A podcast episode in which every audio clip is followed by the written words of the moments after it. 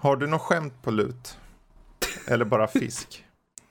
På lut? Ja, men fisk är alltid mumsigt att ha på lut. Oh. Joggans fisk. Precis. Ja, nej, alltså ärligt talat. Fisk ska inte lutas. Fisk ska inte läggas in.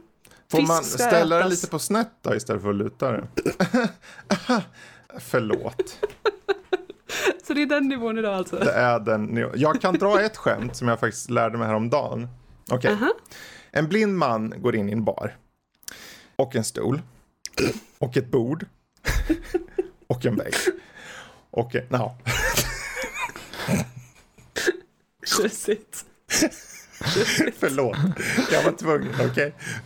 Fair enough, fair enough.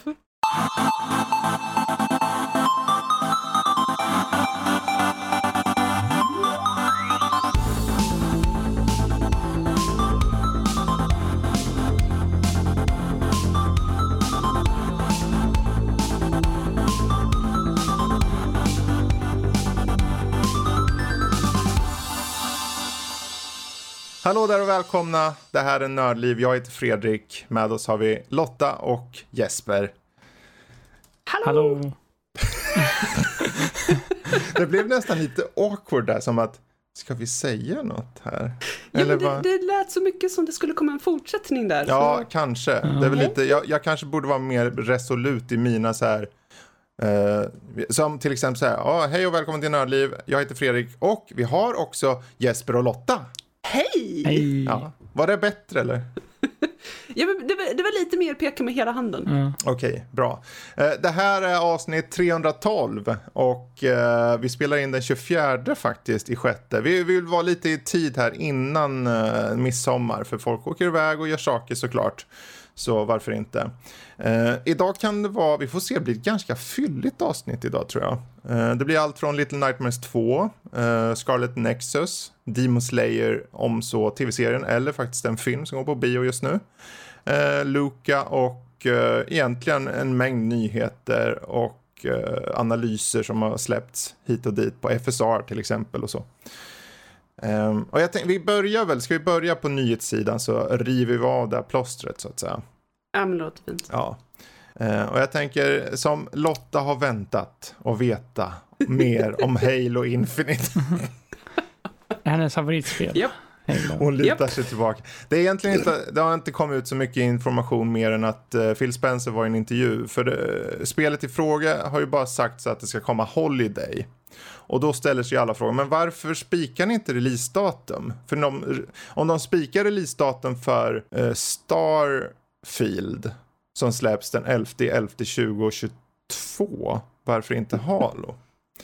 Och då har han gått ut och sagt att eh, de har mer eller mindre eh, sagt att de, eh, det här spelet kommer släppas då inom ett spann av tre till fyra veckor men att det finns andra spel inom samma period som de måste ta hänsyn till.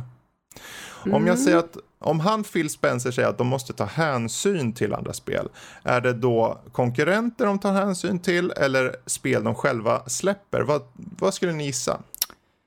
När det kommer till Halo så skulle jag nog säga att det är egna spel. Mm. Det, då, då vill de verkligen blåsa konkurrenterna ur vattnet. De vill inte bry sig. Nej, jag tänker det också. Men då är ju frågan, om det nu han själv uttalar så.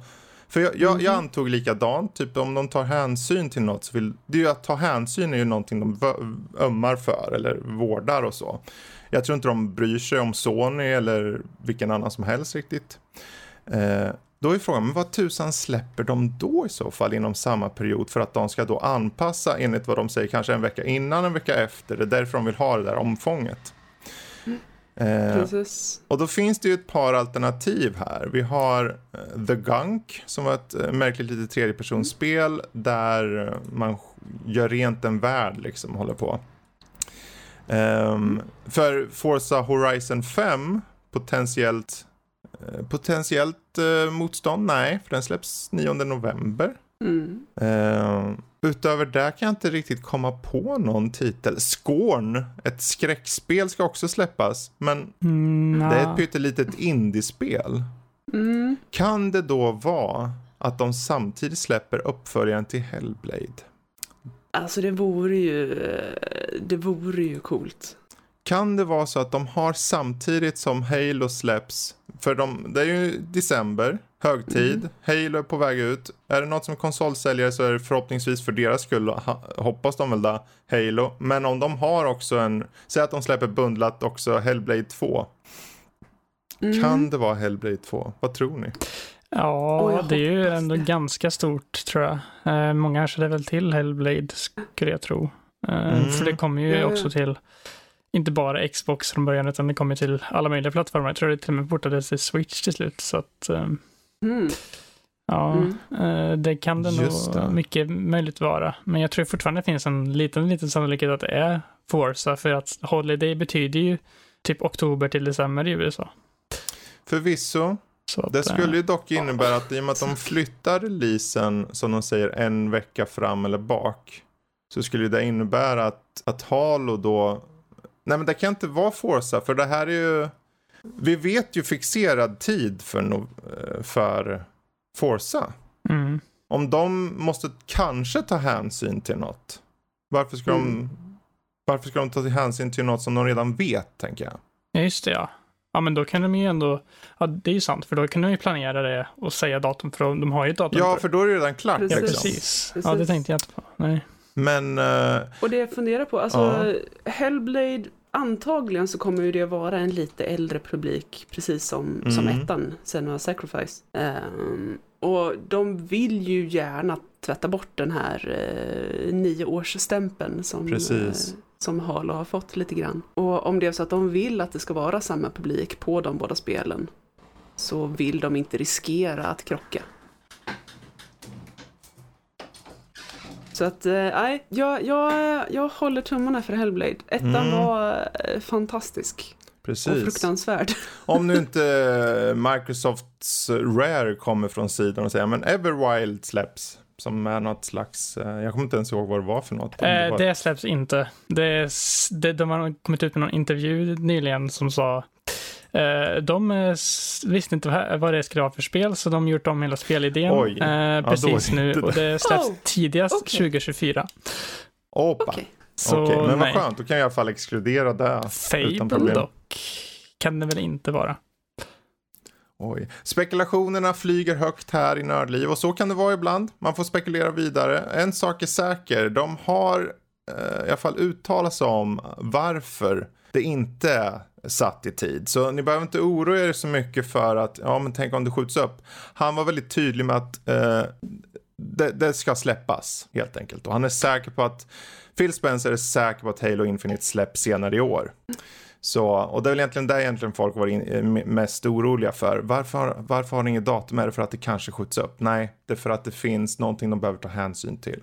Så egentligen är det där ni behöver bara tänka på. Så Halo kommer för er som ser fram emot det. Eh, mer rykten dock. Eh, och det är egentligen, jag tänker jag tar upp det mest för att jag vet att det finns vissa, i alla fall särskilt nördliv, som ser fram emot en eventuell uppföljare eller ny, eh, nytt spel i serien av Dead Space. Eh, det har kommit eh, egentligen flera rykten, lite läckor och allting. Till och med Eurogamer och Gamatsu har kommit med in i svängen och pratat om det här. Och vad det handlar om är att eh, nu i sommar så kommer EA Play ha eh, köras i slutet på juli. Det är alltså EA's showcase, typ som på E3. Och deras studio Motive Studios sägs då hålla på ett nytt spel i Dead Space. Som ser ut att vara en nytolkning av serien istället.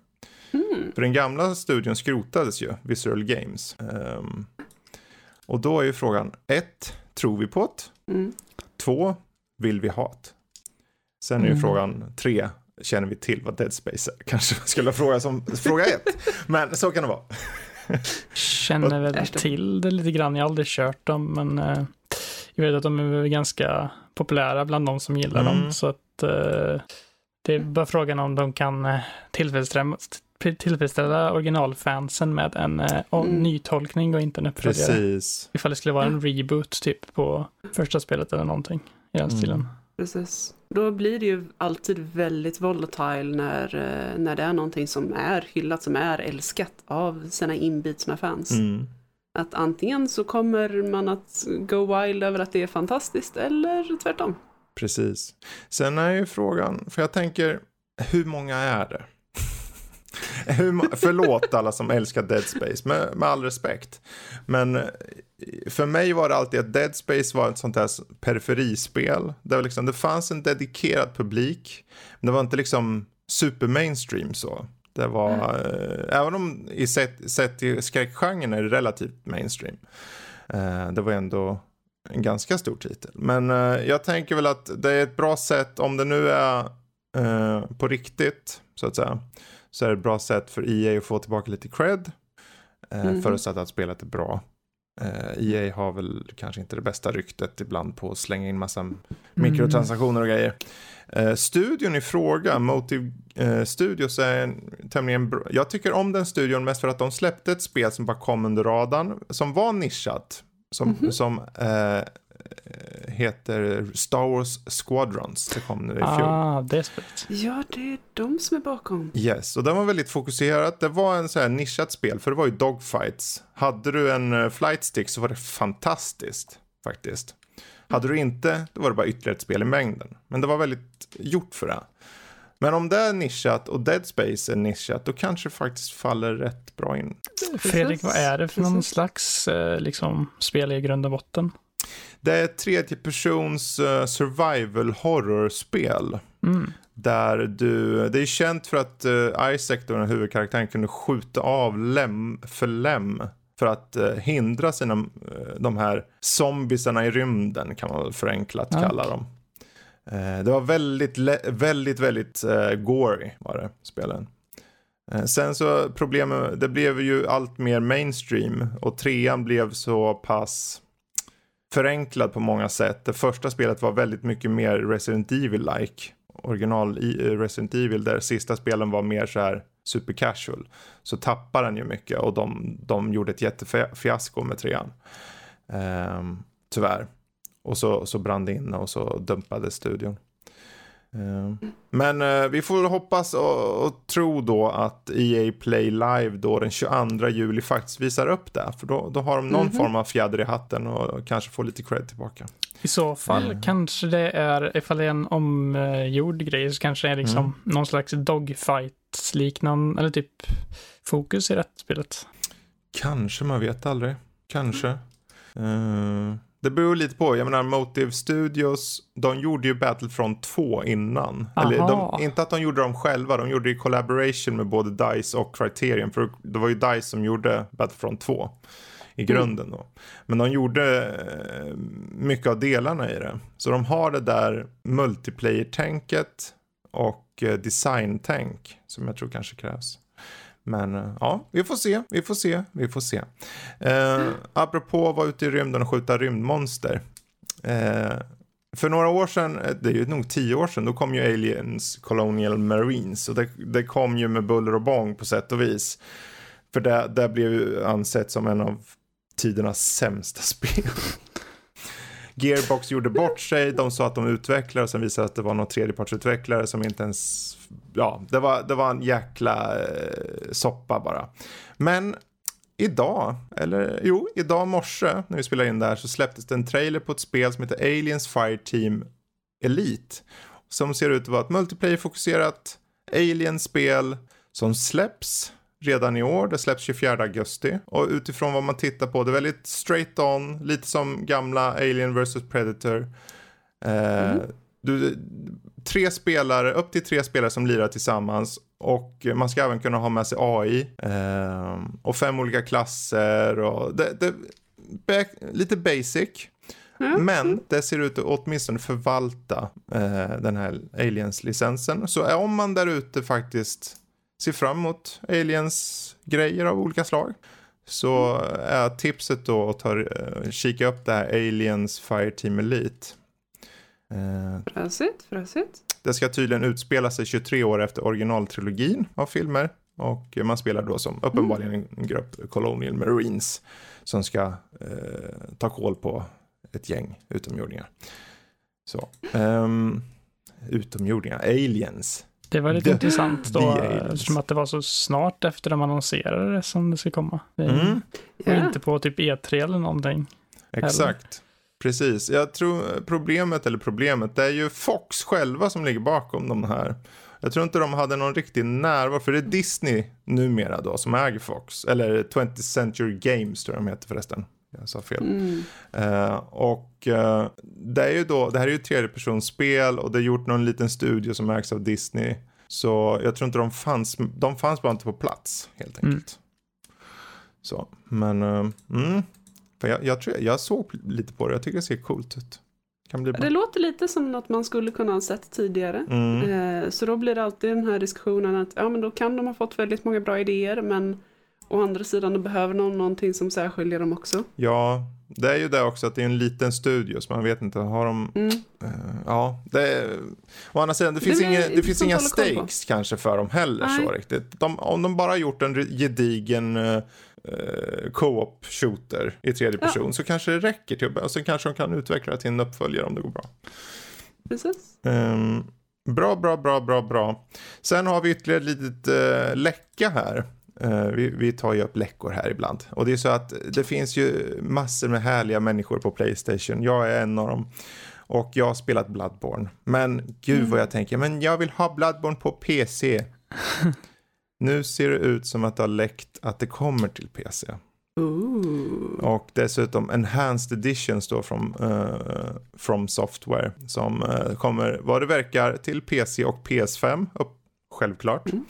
Mm. Och uh, det är ju intressant för att det egentligen bara fortsätter trenden som Sony har satt med att de, nu, de bekräftade Uncharted 4 till Epic av Naughty Dog och då känns det fort, plötsligt, ja men då kan allt släppa så att Bloodborne skulle komma blir jag inte så förvånad av längre. Känner jag. Precis. Precis. Mm. Och jag menar, det, det har ju varit en del diskussioner i Dark Souls-communityt, Mm. det här med konsol eller PC och så vidare. På, pågår diskussioner, Mm. så att säga. Att, Hur då? Vad är det för eh, några diskussioner? Vet du det eller? Liksom. Ja, det, det grundar sig för, eh, från början i eh, om man ska köra med keyboard och mouse eller med kontroller naturligtvis. Aha, okej. Eh, och sen blir de här diskussionerna med är, det, är det någonsin lika bra att sätta in en kontroller i en PC som att ha den i en konsol? Är det kanske bättre? Mm. Eh, och så vidare. Så att det, det kommer vara några som blir, som jag tror blir väldigt nöjda över den här Mm, nyheten. mm. Några som eh, tycker, oh, well, you know, det var, det var förväntat. Eh, och några som blir lite upprörda. Ja, så är det väl alltid. Någonstans känner jag ju personligen att jag menar, det är ju inte som att det inte är kvar på Playstation. Nej, precis. Så Utan det, blir bara tillgängligt fler vinnare. spelare. liksom. Det blir Ja. bara fler som får ta del av spelet. Precis. Sen finns det ju ingen som säger, om de utannonserar det nu eh, i år, finns det ju ingen som säger att det inte kommer förrän 2022 liksom.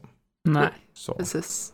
Eh, det kanske kommer till PS5-uppdatering först och kanske ger så här 4K-uppdatering med textur enhancements och kanske lite uh, skvätt raytracing eller någonting. Jag vet inte. Jag tror nog den största grejen Mm. för de flesta med Bloodborne är att det inte är 60 FPS i eh, PS4-versionen. Mm. Den är väl 30 eller något. Ja, och det precis. är ju alla andra Souls-spel eh, kan man ju köra i 60 om man kör det på en bättre konsol eller på Mm. eh, PC. Och att inte den här har det kan ju sabba rätt mycket i eh, flytet på spelet. Så jag tror att många, Mm. många är sugen på att spela det, vare sig det är en PS5 eller PC-version, Mm. bara för att kunna köra det med bättre framerate. Precis, Så där slår du ju huvudet på spiken. Det där, för 60 FPS är ju nästan, för mig är det nästan så att jag tar det för givet numera. När man är ju Mm. så äh, med PC, eller framförallt på de nya konsolerna, att ja men det är klart det ska vara 60 FPS, varför ska jag gå ner till 30? Det blir så saggigt och dant och det är som att gå i sirap och det rycker. Så, men det, det absolut. Å Definitivt. andra, sidan, å andra sidan så kommer ju det påverka speedrunning-communityt. Mm. Som, eh, som har lärt sig kört in sig på 30 FPS. Mm. Eh, för att där, där är det inte alltid odelat positivt att få fler frames. Ja, ja, men det, det är, förlåt, men jag bryr mig inte. jag kan förstå det, för, det, för de handlar ju om att kunna ta sig igenom spelet. De, Ja. de kan ju se fördelar med just att det hålls tillbaka lite i framerate. Uh, Mm. När, du, när du behöver de här frame perfect mm, inputs precis. eh, så får du helt Men plötsligt det är ju dubbelt mycket men det tid på dig. jag tror mycket handlar om vana där. Nu blir det inte en Ja, ja, sidetrack här, men det är ju en vana av Okej, du trycker in och du får den responsen efter så lång tid. För poängen med om du får bättre FPS är att du får en kortare res- respons. Mm. Det vill säga en bättre respons. I, i min bok. Precis. Men om man är van vid, om du har liksom nött in spelet, jag antar det där och de är ute efter, om du har nött det i 300 timmar, du ska få den exakta runnen och sen plötsligt blir 60 Mm. FPS och du måste börja om, liksom, då kan jag förstå det. Absolut. Jag menar fråga vilken fightingspelare som helst om det är så att de är intresserade av att ändra antalet Mm. frames i vissa attacker. Ja, Eh, sant. Kommer de också bli upprörda. Fast det kan ju ändras i patch till patch i fightingspel. Att eh, balansera en karaktärs frame-data liksom. Ja, ja, Så att, absolut. det eh, blir en diskussion varje gång. Ja, så jag antar Är att det så de- här att eh, det finns många fightingspelare som är lite för eh, kantstötta? Ja, Jag förstår inte vad du menar. Max och Lotta Nej. med andra. Nej, jag tror det är så här att allting utvecklas hela tiden och det, jag tror nästan snarare att de flesta eh, som sitter med fightingspel nästan är mer eh, responsiva för förändringar snarare. Mm. Ja, För det de är så vana vid det. Så det är nästan tvärtom skulle jag gissa.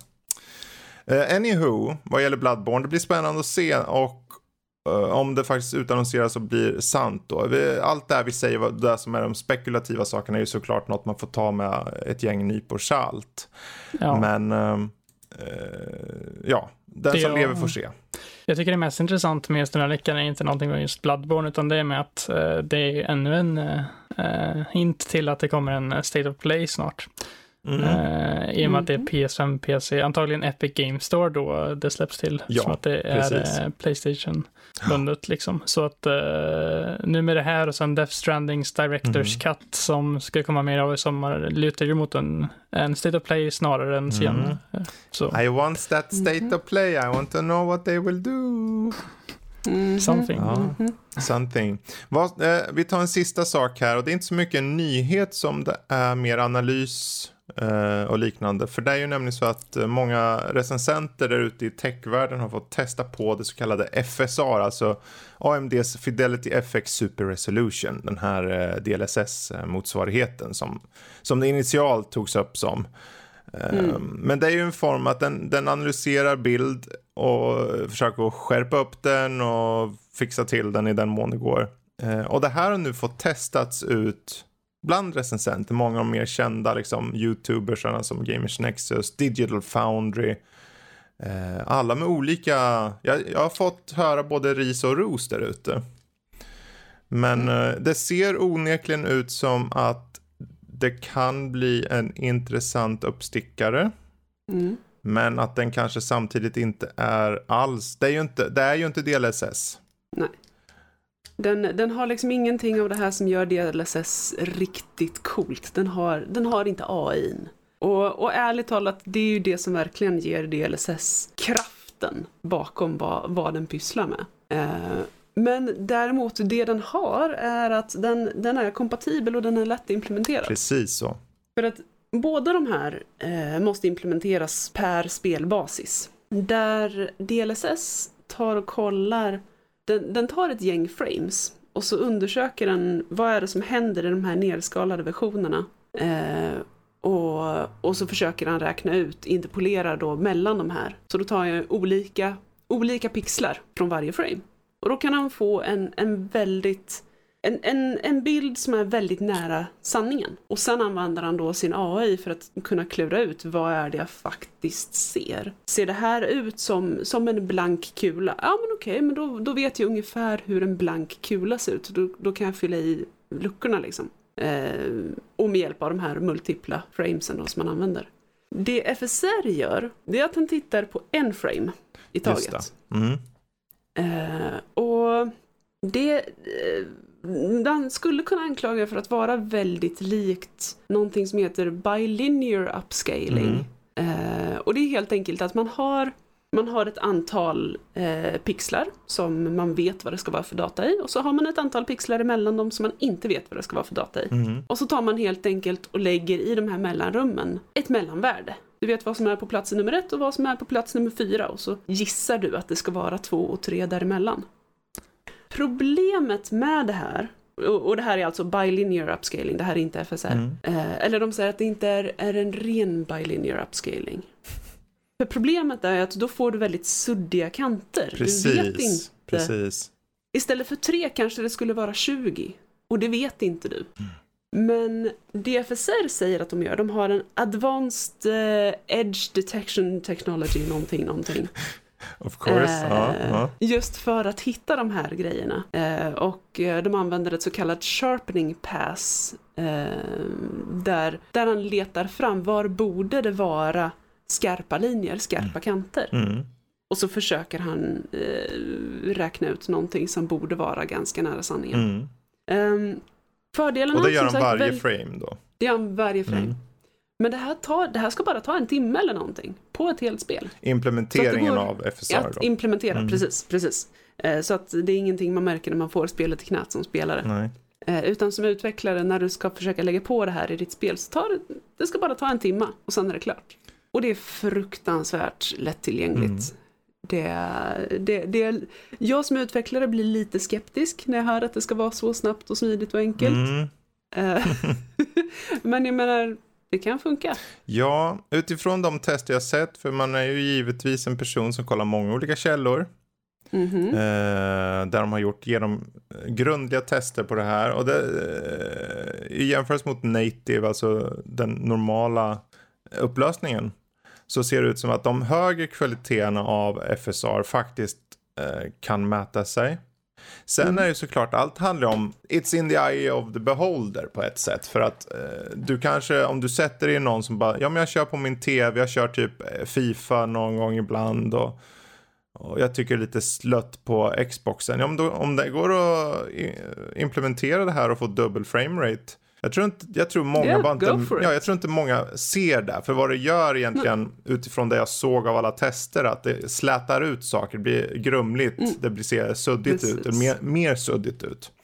Men att det, det emulerar eller försöker vara en 4K. Det är, bara, det är ju 4K i, i grumligt, men det är inte som att det är osynligt eller osebart. Det är bara att det är lite grumligt i texturer och så. Och det kan funka precis. liksom. Ja, ja, ja. Ehm, Och det beror ju helt på vad, vad det är för spel, vad du är för spelare, vad du har för setup. mm. Jag menar som, som du säger, sitter du på en tv tre meter bort liksom, Ja, då har du inte riktigt samma behov som om du har en dataskärm 40 Precis. centimeter från ja, näsan. precis så. Precis så. Ehm, jag, jag tycker Så det... det, det har absolut sin plats. Eh, jag förstår de som vill jämföra det direkt mot DLSS. Men samtidigt så, eh, jag, lutar, jag lutar lite åt att säga att det är äpplen och päron. Mm, Eh, för att ja, de vill försöka åstadkomma samma sak. precis. Men det är så långt ifrån att göra det på samma sätt så att Ja, jag skulle säga det är två helt det är, skilda det är saker. ju två olika saker och mycket hä- hänger ju på hur AMD marknadsför det här. För i slutändan Ja. är det så, om de sätter upp, jag kolla vad bra det är jämförelse på, på den här och så jämför de med någonting på någon, något DLSS. Om de skulle göra så, ja men då, då får de ju skylla sig själva i så fall. Mm. Ja. Men jag, jag har inte sett några sådana jämförelser utan de har egentligen bara sagt det här kan vi implementera, vi kan sätta det på ett 1060-kort, vi kan göra på ett 1660, alltså, alltså på Nvidias Precis. kort rakt av. Ja, och det är ju där de har styrkan. Precis. Det är för att de är så joggans kompatibla och lättillgängliga. Mm. De, de bara finns ju där, det är bara att plocka dem. Det är så lågt hängande frukt att det inte är sant. Exakt. Och någonstans känner jag om och när det här implementeras på konsoler, det är då vi på riktigt eh, då, då blir det lite tufft för eh, Nvidia tror jag. För då kommer folk, jaha är det här Mhm. FSR-läget som är standard på konsol? Ja men det är klart vi kör på det. Då kanske det blir trendord något. FSR, det vill jag ha i mina spel jämt. Och sen så Precis. aktiveras man det. Eh, för Nvidia, en, eh, Nvidias DLSS må vara bra. Men Nvidia väljer ju vart de ska ha det.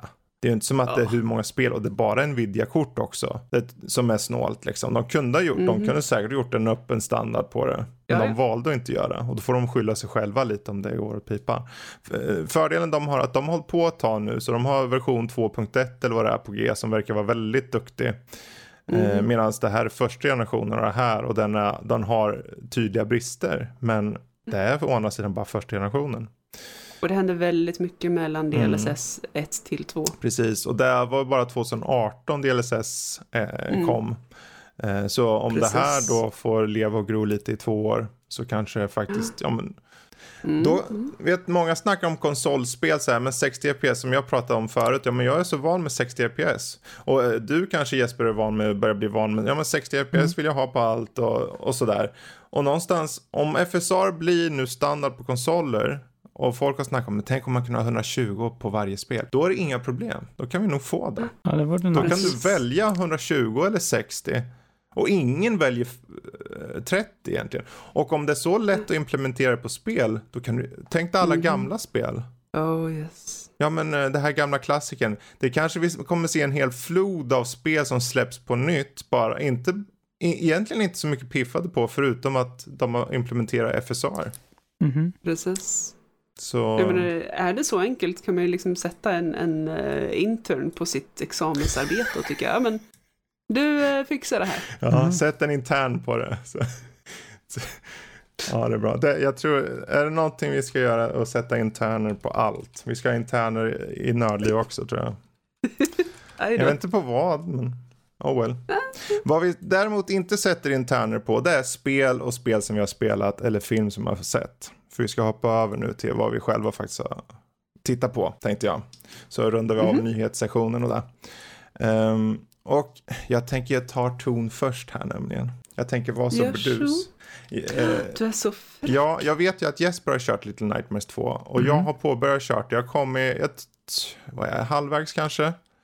Eh, och jag måste säga att, jag vet inte om det här har pratats om tidigare, för jag kom på det att, för det är Joel recenserar om inte jag missmenar det hos oss. Och han har ju inte varit i podden, så jag tänkte, men då är det ingen som har snackat om det. Hur kan vi inte prata om det här? Det är en pusselplattformare, man ser det i side-scrolling-läge och det är eh, ett skräckspel, mer eller mindre. Men det, det arbetar på ett sätt som jag tycker är väldigt duktigt. För du spelar en liten pojke då, fången i en verkligen så här förvriden värld letandes efter någon slags signal som man känner av. Och du, du kör med, du har en AI-kompanjon med dig. Och det är alltså också ett barn då. Och du ska bara ta dig igenom världen och hela tiden blir du jagad av olika saker. Du måste gå eh, och smyga genom miljöer. Och det, den här atmosfären som finns i det här spelet den går att skära med kniv, måste jag säga. Lika mycket som de varelserna vill skära dig med kniv ungefär. Ehm, jag, jag, Fräsigt. jag kanske spoilar lite nu. Men det finns ju ett segment där man, är, man går i någon slags, eh, det är som en skolmiljö. Och då Mm, ska du den. slå, slå eh, ibland kommer små barn. Och då ska du ta en slägga till exempel och slå de här barnen. Och då är det barn med porslinshuvuden så de krasar ju och går sönder. Det är en väldigt vrickad värld. Oh. Mm. Eh, och sen då har du till exempel ett tillfälle där man, och det här kanske du kommer ihåg nu Jesper, men man smyger genom ett klassrum. Och den Ja, ja. lärare som står, hon står och går runt och kollar på alla barn så här i ansiktet och grejer. Och, smisk och, och inte slår med linjalen. Och sådär. Så är det jättebra stämning. Och längre fram, då ser du henne igen. Och hon är under dig, men när då, om du råkar få henne att hö, höra dig, då skjuts, eh, då åker huvudet upp och blir jättelång hals liksom, bara åker upp som en orm så här och letar efter dig. Och jag, alltså jag fick gåshud av det där. Jag satt med eh, Emil och Matte faktiskt sent då och hade streamat ut det lite här på vår Discord. Gå in på nördliv.se så finns det en, direkt, en knapp där för att komma rakt in på den om man vill joina. Eh, och, då, och då tänkte jag, fan det här är ju helt, det här är ju helt fantastiskt det här spelet. Ja, alltså den sektionen där, det är nog min favoritdel typ hela spelet. Mm. För eh, den är ju verkligen så här, det är ju typ äckligt på riktigt den där Mm. läraren. Så det är Ja. ju hennes ansikte, liksom hur hon kollar på en när man går runt där. Precis. Eh, och sen, eh, ja. Men det var riktigt nice, man ville verkligen köra vidare där. Så, Mm. Härligt. Det är ju Hur är, hur är ljudbilden? Åh, Jag tror att ljudbilden är någon sak de nästan fångat bäst i det här. För det, de kör ju Härligt. väldigt lite på musik i det. Det finns musik. Men de kör Mm. väldigt mycket på ambians och eh, liksom tydliga ljud. Så att säga att du hör saker på avstånd. Du hör som den här läraren slår med pinnen i borden på skol, skolbarnens bord. Och eh, hennes nacke hur den knarrar när hon rör som en orm genom gångar efter dig liksom. Alltså, det är så här jätte, alltså den ljudbilden är fenomenal bara. Och det, jag, jag var så här, först för jag körde ett tag, vad kan det vara, kanske en månad sen, så kör, ett par veckor sen så började jag köra lite och kom en liten bit och tänkte ja men det här var väl okej. Okay. Eh, men jag gjorde ett misstag för jag, jag, jag, jag är dum ibland och, och lyssnar på podcasts och, eller YouTube. Det vill säga jag hade inte mycket ljud på om knappt alls. Mm. Så det, blir, det är ju ett måste ha ljudbilden på det här. Är det. Eh, det är ju väldigt suggestivt, men berättelsen är ju kanske, det är ju bara en pojke egentligen, eller jo, en pojke som egentligen försöker hitta sin väg. Och det är inte så mycket, jag känner inte att det finns någon, det väl, jag, jag, vet inte riktigt vad det är för någon story än. Jag har ju inte kört igenom den. Det kanske Nej, blir en revelation mot slutet. Vad tänkte säga det, att um, det blir bättre sen. Mm. Uh, med det. det. det. är inte så jätteuppenbart. Jag tror att, uh, jag hade inte gjort det själv, men jag vet att Egentligen ska man ju verkligen ha kört första spelet innan man har kört mm. detta, för då får man mera av storyn. Och eh, speciellt mot slutet byggs det mycket byggs upp mot vad som händer i första spelet tror jag. Ah, okay. Det har jag förstått. Eh, men jag kan ändå uppskatta det som händer. Mm. Eh, tycker ändå att huvudgrejen med spelet är ju atmosfären som du säger. Mm. Det, det är faktiskt så mycket läskigare än till exempel Resident Evil 8 som jag körde igenom. Absolut. För det var ju inte ens, alltså det är ett riktigt bra spel men jag blev ju inte rädd typ förutom på ett den här, en specifik mm, segment mm, var mm. lite mer liksom åt det hållet, men annars var det verkligen, det var ju mer en shooterspel tänkte jag. jag ja, verkligen, för här, här mm. låter de, det är just det att de låter dig som spelare bara suga in scenen. Det är inte att det behöver hända något i scenen, det är bara att du ser något på avstånd, någon förföljer dig, någon osynlig gestalt, lång och gänglig mm. eller vad det må vara liksom. Eller en kvinna vars hals blir förlängd och hon blir som en orm med bara ett huvud som bara förföljer dig i gångar eller vad det må vara liksom. Det är lite sjukt i huvudet faktiskt. Ja, men det heter ju Little Nightmares. Ja. Det så det, det, är perfekt. Det, är ju, jag måste säga att jag är väldigt glad över att spela hittills. Och jag ska bli, det ska bli väldigt kul att se slutet på det här spelet.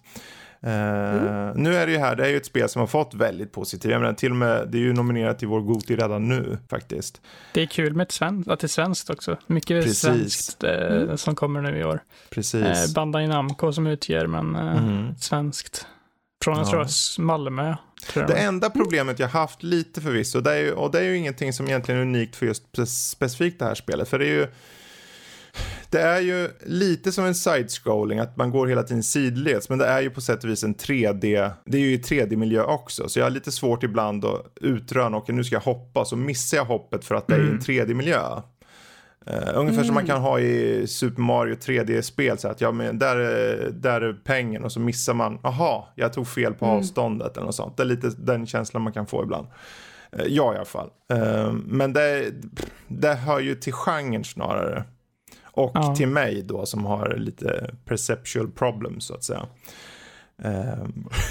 jag kände lite det också. Jag kände också liksom när man skulle slå med mm. den här släggan eller nu var man skulle slå mot, att jag oftast typ misstajmar den lite grann och då eh, mm. gick det lite sämre. Ja, jag märkte när jag skulle klättra upp på saker och hoppa in, för man ska ju gå åt sidan liksom och sen skulle jag hoppa genom några fönster eller vad det må vara och så bara missar jag och åker in i väggen. Jaha, jag okej, okay, jag, jag, står tydligen, jag måste in längre in i scenen för att jag kunde inte utröna det ordentligt. Mm. Så jag hade lite sådana då och då. Men överlag så är det väldigt tydligt ändå känner jag så, eh, faktiskt. Ja, och som du säger, det känns ju verkligen som en sån grej som hör till genren. Mm. Mm -hmm. Precis, precis. Men Little Nightmares 2, en eh, superrekommendation hittills faktiskt. Mm. Eh, härligt, kolla in härligt. det, kolla in det, kolla in det. Vad som Lotta har kollat in det är Loki och du har kollat in upp till tredje avsnittet hittills. Vi mm -hmm. gick ju mhm. in lite på det i senaste avsnittet tror jag. Ja, eh, det var det väl. Eh, då jag bubblade lite gott om Loki. Men nu är frågan, du har mm. sett tredje avsnittet nu.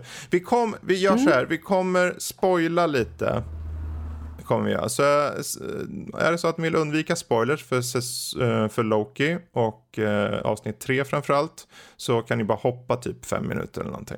Mm. Ja. Gött, gött. Bra. Så Loki bekände här att han är bi. Ja, Oj. och det, det alltså ärligt talat, eh, jag, det var någonting som jag hörde om för inte alls länge sedan. Mm. Att eh, det är en grej som Tom Hiddleston själv har kämpat ganska hårt för att få lov att lägga Mm. in. För att eh, kanoniskt så är ju Loki pansexuell Mm. i Marvel. Mm. Eh, men att han nu i senaste avsnittet eh, uttryckte att eh, han är intresserad av både män och kvinnor. Precis. Eh, Det, det är ett så att- tydligt steg de gör där. Eh, Ja, det är det. Det är väldigt tydligt. Och det är liksom inte, det är inte heller någon sån där kommentar i förbifarten, Mm. utan det är ett segment där, där Loki håller på att diskutera eventuella eh, kärleksintressen med en, en person som visar sig vara ganska eh, viktig för serien. Som sagt, spoileravsnitt. Alltså, han, han färdas ju med den kvinnliga Loki. Precis. Så han pratar med sig själv. Vänta, va? Ja, ja, Det här- ja, det Mm. måste jag ju se nu. ja. Alltså Jag grej, har- grejen är att Loki är... Eh, Loki har förmågan att, eh, att shapeshifta. Ja. Eh, och i Marvel så har han också haft väldigt många olika skepnader. Mm. I MCU nu så har de verkligen tagit fasta på det här i de olika varianterna av Loki. De här som alltså har avvikit från eh, the sacred timeline. Precis. Eh, och den här varianten nu som de håller på att jaga råkar vara en kvinna. Mm. Och jag, jag, tycker om, jag tycker om att man såg det redan i första avsnittet. Mm. Eller rättare sagt, då såg man att det var någon med, med en ganska petit frame. Mm.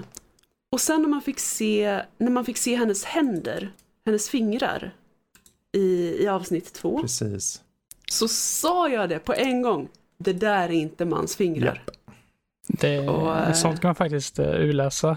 Om man är duktig Mm. på det ganska lätt tror jag. För att, Absolut. eh, Det var är ganska olika. uppenbart ändå, liksom så kände jag också. Mm. Men hela upplägget nu, bara för en mini-recap då, är ju att eh, det här tar ju vid mer eller mindre från där man ser i Endgame när den gode Loki försvinner med Tesseracten. Man ser ju bara han försvinner i en scen eh, i och med att de gör tidsresegrejer och så. Och han då r- ramlar ut på någon värld där ett gäng soldater kommer ut och säger du måste komma med oss. Vi jobbar för The Time Variance Authority, TVA. Det finns alltså en, en organisation som ser till och moni- monitorerar då tidslinjen. Och eh, de här då kallar alla som eh, missar tidslinjen, som står utanför tidslinjen, som inte går rätt enligt De hur de avviker som variants då. Och Loki är en variant, så han ska tas in då för egentligen eliminera, Raderas. raderas. egentligen. Eh, Men nu råkar det ju vara uppenbarligen så att det är ju någon annan Loki som håller på att springa runt och förstöra tidslinjen enligt Mobius spelad av Owen Wilson. Och Fantastisk i den rollen. Ja, han är jättebra. Vad kul. Ehm, och eh, då tänker de, "Ja, men vi har ju en Loki här, vi låter oss använda oss honom. Och vips är vi igång då. Och det här tredje avsnittet, slut, eh, förra avsnittet slutade med att han hoppade ut genom en portal och kom till en viss plats. Jag håller lite, jag tänker, jag behöver inte säga allt, allt så. Um, tänk, för Jesper har inte sett allt så får han lite att se framåt. Det finns väldigt mycket Precis. kvar här, det kan jag ju säga. Du behöver inte orolig att vi spoilar så mycket. Ehm, men eh, det som vi var inne på nu, episod 3 här nu, är ju eh, den gode Loki och eh, den andra Loki, om man nu vill säga Mm. så. Eh, tar sig fram och måste vara lite buddy cop här på något sätt. Eh, de måste eh, arbeta tillsammans för att övervinna Mm. situationen de befinner sig i. Och eh, det, är, det är ett riktigt bra avsnitt tycker jag, tredje avsnittet. Jag tyckte Ja. mycket om det faktiskt. Jag tycker väldigt mycket om, eh, det, det är ett segment där de diskuterar skillnaderna i, i sina liv. Mm. Vad de har upplevt, vilka de är, vad de tycker och tänker och kan Mm. och känner. Eh, och jag tycker att det segmentet, det ger väldigt mycket kropp åt Loki. Eh, Mm. och för att han, han har lite gränslat den här rollen av eh, the mischievous handsome villain och den här, den här alltså nästan eh, Carmilla-karaktären, Mm. den, den här tragiska antihjälten på något sätt. Precis. Eh, och jag tycker att den, den dialogen som då kommer i tredje avsnittet utforskar Mm. det väldigt väl. Ja, verkligen. Och det som jag redan slogs av, för, som när jag pratade om serien förra veckan, var att de vågar låta Tom Hiddleston köra hela registret här. Som ju, Ja, i, i Ja, andra avsnitten han får reda på vissa saker som har hänt, hans karaktär. Fast Precis. egentligen inte är han, än. precis. Egentligen skulle det ha skett det. honom. Det var egentligen satt att Ja. det skulle ha skett honom, allt som hade hänt ända fram Ja. till Endgame. Men i och med att han stack Avengers, för de hoppade ju tillbaka till 2012 och han hoppade tillbaka och tog Tesseracten, så har ju aldrig det där hänt honom. Han blev aldrig dödad av Thanos. Precis. Ja. Så, och, och allting som hände fram till han ändrades ju i karaktär och allting, men det hände honom. Han är samma Loki. Det här är Loki från Avengers Ja. 2012, det vill säga den som försökte förstöra New York. Och eh, de här sakerna, då, han får ju reflektera över sig själv och jag tycker han är jättebra Tom Hiddleston i den här rollen. Ja, ja, ja. ja, ja. Och, och som du säger, han använder verkligen hela sitt register. Och han flippar på ett mynt. Precis som jag vill att Loki ska göra. För att det är klart att han inte kan liksom eh, avslöja för mycket av sig själv på en gång. Precis. Utan, utan det är klart att han behöver liksom hålla masken. Mm. Men, men sen ser man de här ögonblicken när, när antingen när masken går sönder Mm. för honom. Eller när helt plötsligt så behöver han liksom snappa tillbaka och, och bli eh, the charming villain Mm. igen. Och han, han gör det Han fantastiskt. gör det jättebra och nå- det är hans serie. Jag, hon den här kvinnliga Loki, Verkligen. jag är lite så här, jag vet inte om jag köper den riktigt. Hon känns väldigt o-Loki, men det är ju kanske helt Mm. enkelt skälet också. Jag har en känsla av att den här karaktären kommer leda in till att bli en annan väldigt känd Marvel-karaktär längre fram och inte vara kvar som Mhm. Loki. För jag tror det är, Mhm. inte, det är lite vanskligt att beteckna någon som, ja men det är den kvinnliga Loki. Utan man vill att det Ja. ska vara en egen identitet. Jag tror eh, Disney själva vill nog undvika det också tror jag. Lucia. Och hon är ju... är hon- Lucia. Loki. L- Ja, Ett kvinnligt precis. namn. Liksom, Det, vad det ryktas om, bara för att spoila lite, det behöver inte ens bli det. Det, det finns en karaktär som heter The Enchantress. Som, eh, För hon, den här kvinnliga Loki, kan en viss typ av magi nämligen.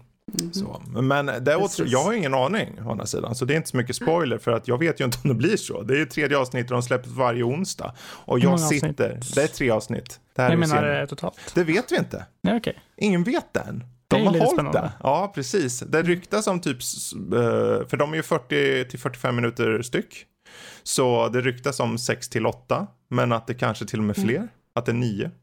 Ehm, vi får se. Men det roliga med det här Sacred Timeline som styrs av TVA, det här eh, organisationen som ska förs- eh, se till att tidslinjen hålls. De följer vissa eh, principer och de har några bossar då och de här Mm. bossarna, vad, vad ligger deras... Ja, Precis, och det, här man fick veta också i tredje Vi kan avsnittet hålla på det, om... eh, ifall att Ja, så. Mm. Eh, Men, men låt oss säga, det finns saker som stä- ställer frågor för det är ju ändå... eh, Oh yes. det, det är väldigt intressant. Och jag tycker nog av Mm. alla de här tre serierna som har hittills släppts, The WandaVision och den, uh, Falcon Winter Soldier, och det här sa jag förvisso förra veckan, förlåt att jag upprepar mig. Så tycker jag att det här är den starkaste starten jag har sett i någon av de här serierna faktiskt. Ja, jag är helt fast. Ja. Sen är ju frågan, hur det. håller det ända ut? Det återstår att se. Håller uh, serien Det igenom? är problemet med tidslinjesaker ibland, att det kan vara bra i början och sen så Mm. tappar det helt och hållet och blir liksom helt galet. Mm. Det är ju där som jag tror dock är fördelen här, för det är ju egentligen ingen fokus på tidsresor alls, utan fokus är ju på karaktärerna. Och det är där som är styrkan. Men frågan om de är bra skrivna fullt ut, blir det liksom, håller det? Om inte det håller, då faller nog hela serien är jag rädd. Mm. Alltså jag får lite, nu, nu kommer jag säga någonting som antagligen gör Huvians lite upprörda på mig. Men, missförstå mig rätt nu. Jag får, alltså approachen som Loki har till tidsresor Mm. är lite den känslan jag får i Doctor Who. Ja, just det. Ja. ja. Och hon eh, För att- kvinnliga Loki är ju, hon känns ju Dr. Who, lite så tyckte jag. Ja. Ja, Men, eh, Doctor Who slash River ja precis. River Song. Ja, just det. fick jag lite, Ja, fick vi nörda ut lite här. Mm. Men nu, vi ska inte hålla oss något mer. Det finns massor med mer detaljer här. Och väldigt mycket detaljer faktiskt. eh, I alla tre avsnitt. Och eh, jag Oh, var yes. lite koj förra veckan. Nu sp- spillde vi bönorna lite mer här. Eh, men nu går vi tillbaka. Nu går vi tillbaka till ordinarie sänd. Nej. Um, jag tänkte vi kan väl hoppa in, när vi ändå pratar med er två härliga människor. Demon Slayer. Uh, Demon Slayer är en ganska känd serie.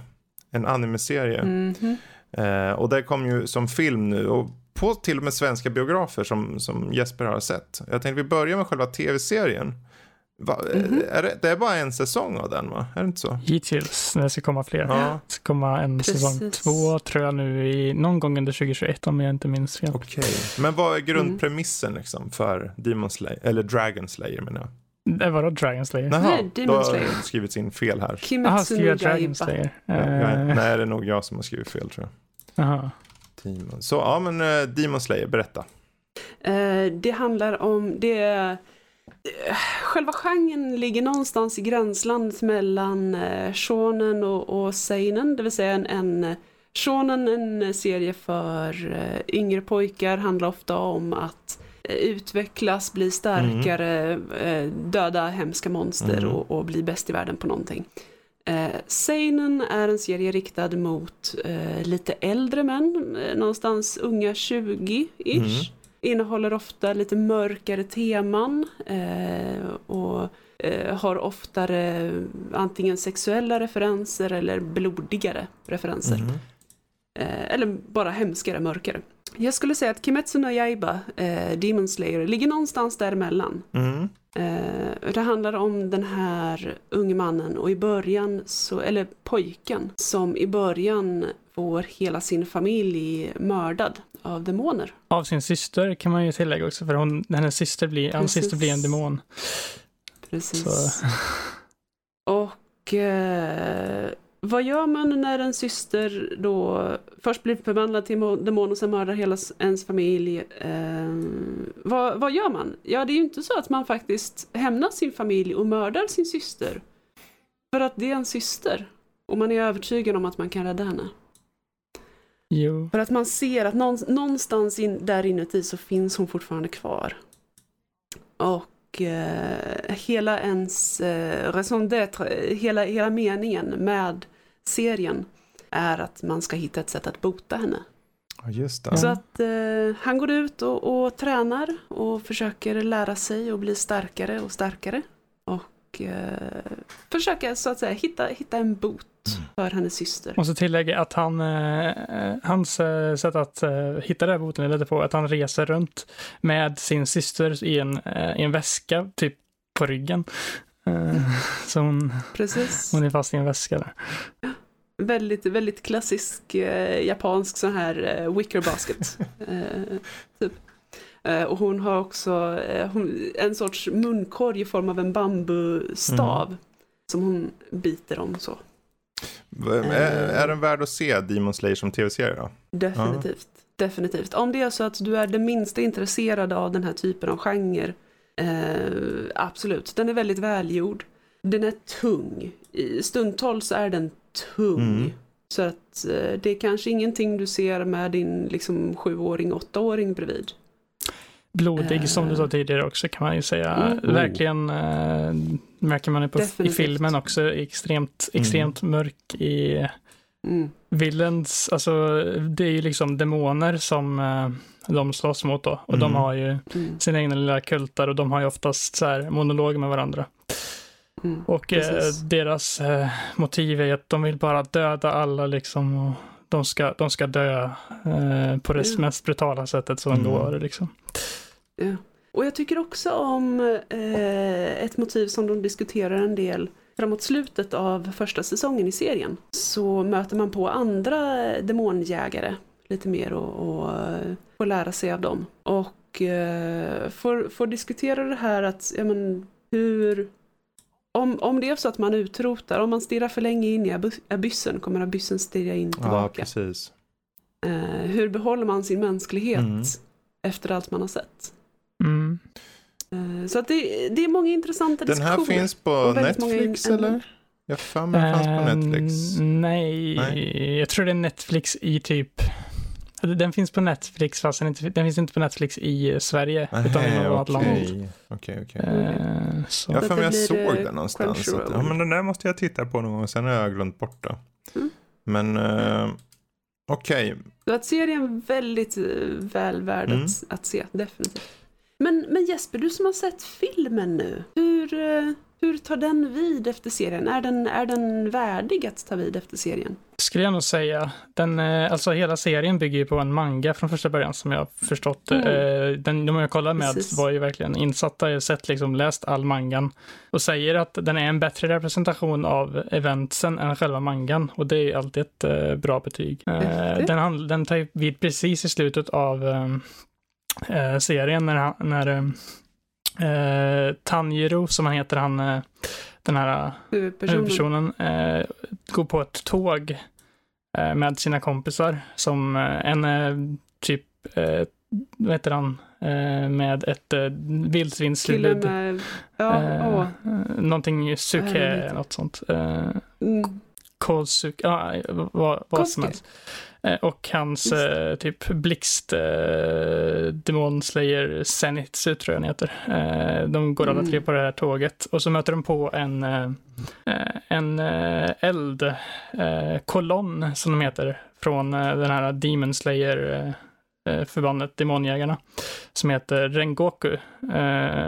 Och de börjar prata lite med varandra på tåget, allt verkar rätt normalt. När helt plötsligt så eh, kommer några barn, de binder fast dem eh, och eh, sätter sig nålar i dem för att de ska so somna. Och så är det en, en demon då som har kommit till det här tåget som kan ha en hand, i, sin- i sin hand så pratar den med munnen liksom. Och säger så här, nu ska vi mörda alla de här på det brutalaste sättet som går att mörda på. Och de här barnen ska ta sig in i själarna på, hos de här människorna. ehm, och eh, eh, spräcka deras hjärtan typ med en nål där inne. Eh, och alla och den som först eh, får reda, på att han är i en dröm och inte att det är verklighet, det är han eh, Tanjiro då, för att han får återuppleva den händelsen där när han, den dagen när hans syster blir en demon Mhm. och eh, dödar sin familj. Och eh, han, eh, eh, det sista jag kan säga om storyn egentligen utan att spoila någonting om man vill se den är att han, för att ta sig ur den här så hugger han halsen av sig i den här världen för att vakna. Ah, Okej. så Hoppa. eh, det är så han vaknar och blir eh, på riktigt Mm. liksom Mm. utanför sömnen igen. Så eh, Mm. eller så. Och sen händer det massa saker och, som bygger upp då till eh, säsong två av serien. Men filmen är i alla fall, den, den är, för jag, det har ju gjort så mycket film förr direkt på serien, men här känns det som att filmerna, den tillhör serien på något sätt. Mm. Ja, För det är så många, Precis, som den många film, filmer direkt på tv-serier brukar vara så, vad heter det? Ehm, generiska. Det brukar antingen vara någon, eh, någon recap eller uh, någon, någon en filler. eh, helt Det brukar ju vara filler. Ja, fillers. precis. liksom. Men här, Nej. vad jag har hört så, så är den här eh, på, påtaglig direkt på, alltså, och nästan integral snarare till, till se- tv-serien. En sista jag kan säga, kan nämna om storyn då, eh, som inte är en jättestor spoiler egentligen, det är att man får se en demon som man tror kommer vara med i andra säsongen som tillhör den övre halvmånen, alltså den mäktigaste demonen i hela Oh. universumet typ. Okej. Och, eh, eh, Alltså jag måste, jag måste kolla in det här alltså. Eh, Ja, ja. definitivt. Eh, jag kan ju säga att det är ganska mycket eh, saker som jag är lite så här skeptisk till själv. Mhm. Det är väldigt så här over the top i vissa, vissa karaktärer. Eh, till exempel hans Mm. Zenitsu, han är så här crybaby-barn som typ inte vågar göra någonting. Så här, du vet vad jag pratar Ja. om. Eh, och sen, eh, ja. Men det finns ändå väldigt mycket som är snyggt med den och Mm. rätt. Och sen animationerna är någonting man måste verkligen ta upp också. Det, det, budgeten på den här filmen är, jag tror jag hörde från någonstans att det var 50 miljoner eh, kostar den här att eh, producera. Mm. Och det förstår märks t- jättetydligt på alla animationer här med attacker och sånt de använder. Liksom hand, vattenmålade grejer som är i typ 3D-animation samtidigt med, eh, Mm. han får ett vattensvärd den här eh, Tanjiro som han har lärt sig Mm. i eh, säso- första säsongen då. Eh, och de animationerna och effekterna är verkligen fenomenalt snygga. Eh, och Okej. så. Och sen jag tycker även musiken och soundtracket den är riktigt passande och bra. Mm. Så gillar jag även Mm. tematiken här med att Kul. det är ett feodal Japan-samhälle, för jag tycker att den eh, estetiken på saker är rätt snyggt med Mm. eh, typ medeltida japanskt samhälle. Typ. Mm. Härligt, härligt. Ja, alltså det... Nej men det, det känns lite som att den filmen är lite för uh, Kimetsu no Yaiba vad, eh, vad den senaste filmen i Made in Abyss gör för den serien. Mm. Att det verkligen för berättelsen framåt. Mm. Jag tycker om den trenden. Det är Jag dock, ser det eh, hemskt gärna i fler serier. Du ska dock inte se den om du inte har eh, läst eller sett tidigare saker tror jag. För att Nej, nej, nej, nej, eh, det kan vara en Definitivt grej inte. man, nu när den är på bio så att jag vet att det var Mm. några som gick på den samtidigt då som satt över oss. En somnade eh, som pratade med för att han inte visste vad som hände och allt möjligt. Så att eh, kolla på serien Mm. först och så innan du ger dig på den här. Mm. Eh, dock, eh, eftersom att den är den eh, hade ju bättre försäljningssiffror så i Japan än Spirited Away. Men så bra skulle jag dock inte säga att den är. Spirited Away tycker jag dock är klassen bättre i eh, på Mm. de flesta sätt. Men Mm. det här är också en eh, ganska värdig del av en serie då. Mm. Så eh, rekommenderar jag att eh, Kolla in helt Kolla enkelt. Demon Slayer Mugen Train. Eh, precis. eh, och egentligen då framförallt om ni har sett serien, annars blir det lite så här out of Mm. order. Eh, men å andra sidan om det är bara en säsong så är det nog inte alls svårt att se det först då. Nej, nej, nej. Eh, nej. Det är bara frågan vart man ser det då. Eh, men eh, oavsett, Demon Slayer hade vi där. Jag tänker vi fortsätter med lite film. Eh, vi har ju båda sett Luca, den här eh, Ja. Pixar-filmen som släpptes nyligen direkt på Disney+. Plus. Eh, och ehm, ja, berättelsemässigt, det är en ung pojke. Han lever ett gott liv under vattnet. Han är nämligen lite, han är enligt människor ett havsmonster. Ja. Men eh, de är ju mer så här en slags eh, fiskmänniskor bara. Eh, och han, eh, han och hans familj har ett fint och, eh, liv där. Men de, han drömmer sig bort ovanför ytan. Där eh, han vet att eh, om han kommer upp över ytan så kan han förvandlas till en pojke. Eh, på ett eller annat sätt. Han är lite osäker först hur det funkar. Men han får... Där han kan gå i sol på en Ja, strand. precis. Jag känner igen vissa Ja. teman här. Och Den- eh, han, han får lära, men han hålls tillbaka, han är ju rädd, han är lite så här ängslig och så såklart. Eh, och framförallt har han en mamma som inte vill att han ska göra något sånt. Eh, men han träffar på en, eh, en, eh, en, en kille, en uh, ung kille, eh, Alberto, som eh, också är en sån här havsmonster, vad man vill kalla dem. Eh, som eh, helt enkelt tar sig upp till ytan fram och tillbaka och håller på och bara mer eller mindre tvingar upp han. Ja. Eh, och därefter blir det lite av ett äventyr helt enkelt på att eh, lära känna en ny värld. Att, eh, och framförallt den stora drömmen att åka vespa. Det, ja. För de ska ju, de träffar ju på en tjej där i den här staden eh, Mm. som, eh, som är en, som har, eh, är med i någon slags Vespat-tävling, eller Mm. någon tävling varje år med någon sån här triathlon. De ska simma, de ska äta mat och så ska de Åka cykla. cykel, precis. Och hon förlorar alltid mot någon där som vinner varenda år och han Mm. hade köpt en vespa med sina pengar och när de får se att han har gjort det så Ja, då måste de också göra det såklart. Exakt. Eh, så då eh, delar de Mhm. upp, då blir de vänner med den här tjejen och så delar de upp eh, styrkan på alla tre. Mm. Och så ska de göra olika saker. Men de får ju absolut inte simma, för om de simmar så får ju de ju, då, då, då, eh, Då förvandlas de till de. havsmonster igen när de nuddar vatten. Och då de får ju se upp för regn också då. Till Ja. exempel. Mm. Då kommer ju eh, fiskarna i staden och bara kommer med harpunen här. Precis. Havsmonster, för det börjar, hela filmen börjar mer eller mindre med, med ett par fiskare som tar sig ut till den där ön som alla pratar om att det finns några hemsökta varelser på. Och det, det finns havsmonster här och, och så är det någon som hoppar upp där och så. Och eh, ur vattnet, är det ett Mm. havsmonster man tror? Eh, så det, det börjar med att sätta lite eh, just vad, vad nu tanken hos människorna är kring de här varelserna då. Mm. Etablera dem lite där. Ja, vad tyckte du då Luca? Eh, om Jag tyckte Luca? den var en mysig film. Mm. Eh, den hade, jag fick, eh, som eh, jag har hört att många andra påpekat också, den har, haft, den har väldigt mycket Studio Ghibli-känsla Mm. i sig. Han har ju Eh, tagit rakt inspiration från har de gjort. Eh, Ja. Till exempel i, i, som katten som finns med och lite av utseendet på olika saker och ting. Lite Kikis expressbud blandat med Ponyo, typ, Mm.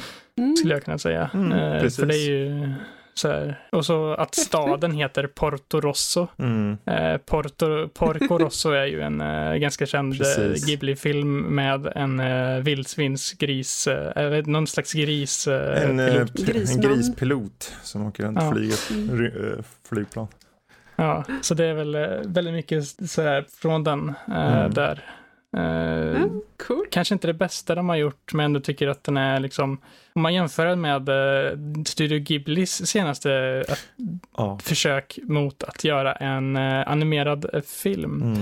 Eh, den här Earwig, heter Ja. den, något sånt. Den var ju katastrofal. Precis. Så jag jämför den mycket med den och så ser jag att den här var ju betydligt mycket bättre. Ja, det kan jag förstå. Kan jag förstå. Och då har inte ens jag sett en Earwig. Jag har mest sett lite delar av den sådär. I det som har visats i jag trailers blev och så. för nyfiken på att den, för att jag ville typ se den för att jag har hört så mycket dåligt om den. Ja, typ. okej. Så var jag med. Ja. ja, det här är ju, för min del så var jag, jag blev, jag skulle inte säga att, jag, folk tror att när jag, när, om man kritiserar någonting så är det jämt att, ja men du hatar den här filmen. Nej, jag hatar inte den här filmen. Den är en väldigt lättförglömlig film mest känner jag. Det är en film som, den, den blandar Hitta Nema och, eh, och Lilla Sjöjungfrun. Eh, den drar in inslag av Ghibli i estetik. Och den vill fånga den här känslan av att det är mer är slice of life snarare än att den har några stora stakes. För egentligen den stora bad guyen är den här killen på Vespa då som är egentligen bara en douchebag och that's it. Eh, och sen slutar den bara lite abrupt och sen är det slut och så ja.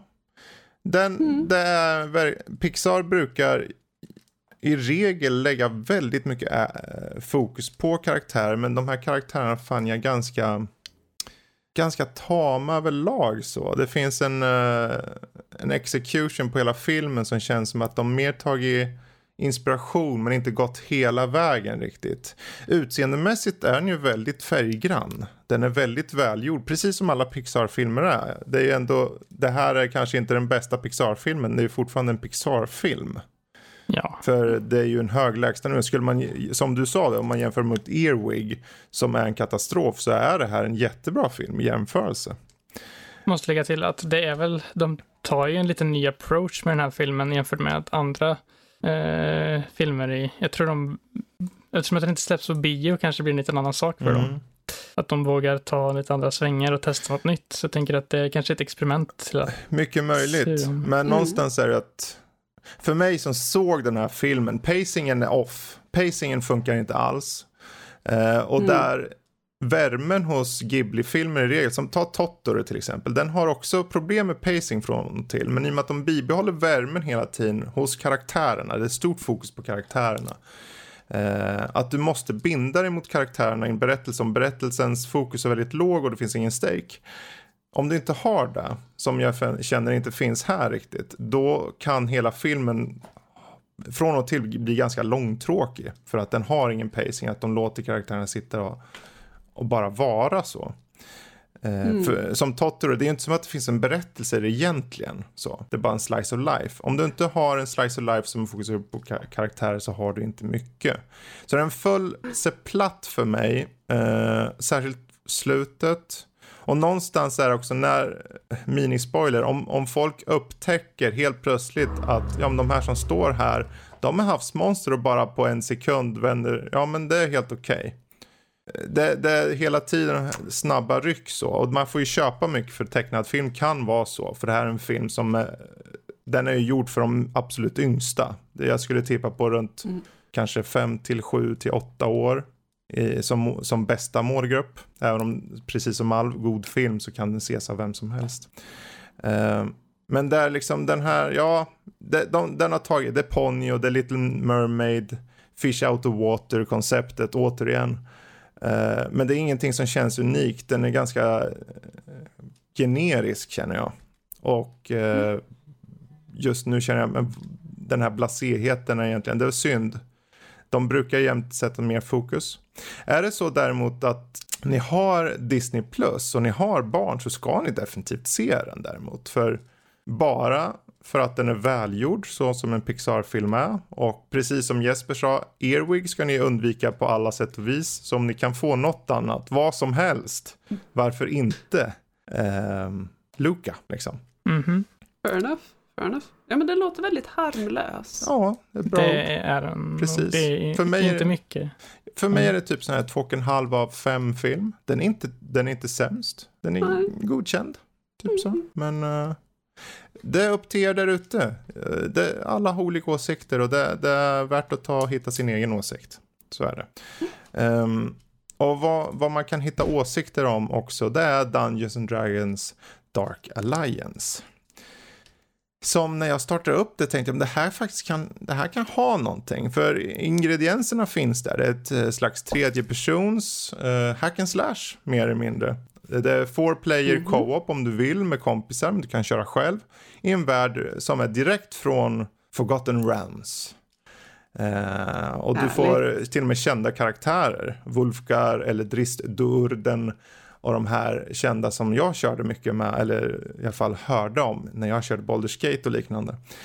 Dessvärre har spelet lite buggar som gör att du till exempel, ja, fastnar i luften eller eh, ser fienderna bara glitcha som galningar och sen flyga iväg 100 meter bort.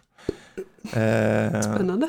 Och sen att spelet i sig blir väldigt repetitivt för att du springer bara fram och, och sen blir allting, för allting, om du kör själv är allting överlevlat. Du, du bara okej, okay, hur tar jag mm. ut den här stora, eh, det är en massa goblins och en stor gubbe liksom som står, en troll eller någonting och så ska du försöka svinga den med din barbar och, och de slår ihjäl den nästan på ett slag liksom. Det, det, är gjort för four player och det är inte roligt då heller riktigt. Det, de, jag vet inte vad de, de kör in, det börjar bra för det ser okej okay ut. Men så åker rakt in i en betongvägg. det var ju inte oh. ett gott betyg om man säger Nej, så. Nej, alltså med det sagt så bör jag har inte kört igenom hela spelet, men jag har kört första kapitlet, om man vill kalla det. För du, du har ju en karta med mängder av olika områden i och med att det är en co-op, eh, ett co-op-spel då. Men det är just att det känns lite, det känns ofärdigt och känns lite hafsigt överlag sådär. Styrningen, mm. sättet du ska göra dina attacker, de här animationerna som många spel som uh, ta Dark Souls, du, fast i en, du gör en rörelse, en animation, du vet att du är fast mm. i den. Det är lite här också, men att du bara ser gubben blick, åker snabbt åt sidan och gör attacken åt vänster plötsligt när du skulle slå framåt för att spelet inte kodat bra, då då är det inte så mycket, om animationen kan jag klaga på, nej det är ju resten som inte gör sitt jobb här. Mm. Oh. Um. Det låter lite som att eh, det behöver komma tillbaka med, med några buggrapporter. Mm. Behöver ett, ett Sen är det ju också, jag, för mig personligen, Dungeons and Dragons för mig, om de ska göra AD&D varför inte släppa ett förlåt där ute. Men det finns ju Baldur's Gate 3 som de håller på att försöka piffa till nu med den här early accessen. Jag har inte vågat röra den än. Men Baldur's Gate 1 och 2 finns och det är för mig riktiga rollspel. Det här, om de, för Dungeons and Dragons är ju rollspel, om du har licensen. Och så det, det finns ju ingen story i det här. Yeah. Finns noll. Inget alls. Nej, alltså de, de försöker med... Va, vadå då? Då är det ju inte ens Dungeon, Dungeon Dragons är ju nej, story. Nej, det, det är liksom, de, de lägger ju upp det som att, ja men vi har Icewind, den här stora draken, som uppenbarligen bor i Dale, Icewind Dale. Uh, ja, men jag ser, jag ser Goblins har tagit över här och, och, dvärgar. Nu blir jag arg. Och sen ska du ta det dit. Oj. Okay. Eller här borta ett annat område och då är det någon, du ser, det finns filmsekvenser och grejer men det, är inte, det finns ingen engagemang i det. finns inte som att, det är mer som att kolla vi kan visa upp att vi har tillgång till det här universumet och de här olika platserna. Men mm. de bara, ja bra, nu vet ni att ni älskar vad, vad, ni såg, så nu går ni ut och sen så slår ni skiten ur allt. Pratar ju med någon eventuell försäljare i hubbområdet, men that's it. För mig är det ja. liksom, om jag ska mm, köra mm. en Dungeons and Dragons, då vill jag ha Baldur's Gate, typ prata med folk, undersöka miljöer, hitta hemliga saker få en yeah. väldigt, väldigt välskriven story. Här är liksom... Ja, det är D&D. Ja. ja, det här precis. spelet är ju, det här är ju, eh, jag vet inte, jag försöker komma på någon bra jämförelse. Eh, men ta vilken egentligen third party shooter som helst. Ta Destiny. Jag vet inte hur många som bryr sig om berättelsen i Destiny. Huvudfokuset i Destiny är ju i regel att levla, grinda och gå upp i level. Eller ja, nu sa jag levlat mm. först där. Ja. Men, eh, och här är det egentligen samma sak. Problemet är att spelmekaniken är så pass tråkig. Så att om du inte har ens det, vad har du då? Ja, då har du Dungeons and Dragons Dark Alliance.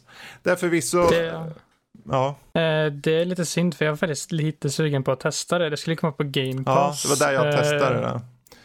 Men när du, Mm. när, eh, vad heter det, när du, jag har hört så sjukt mycket eh, negativt om det så är Mm. jag verkligen, ja, jag är inte så sugen på att testa det längre.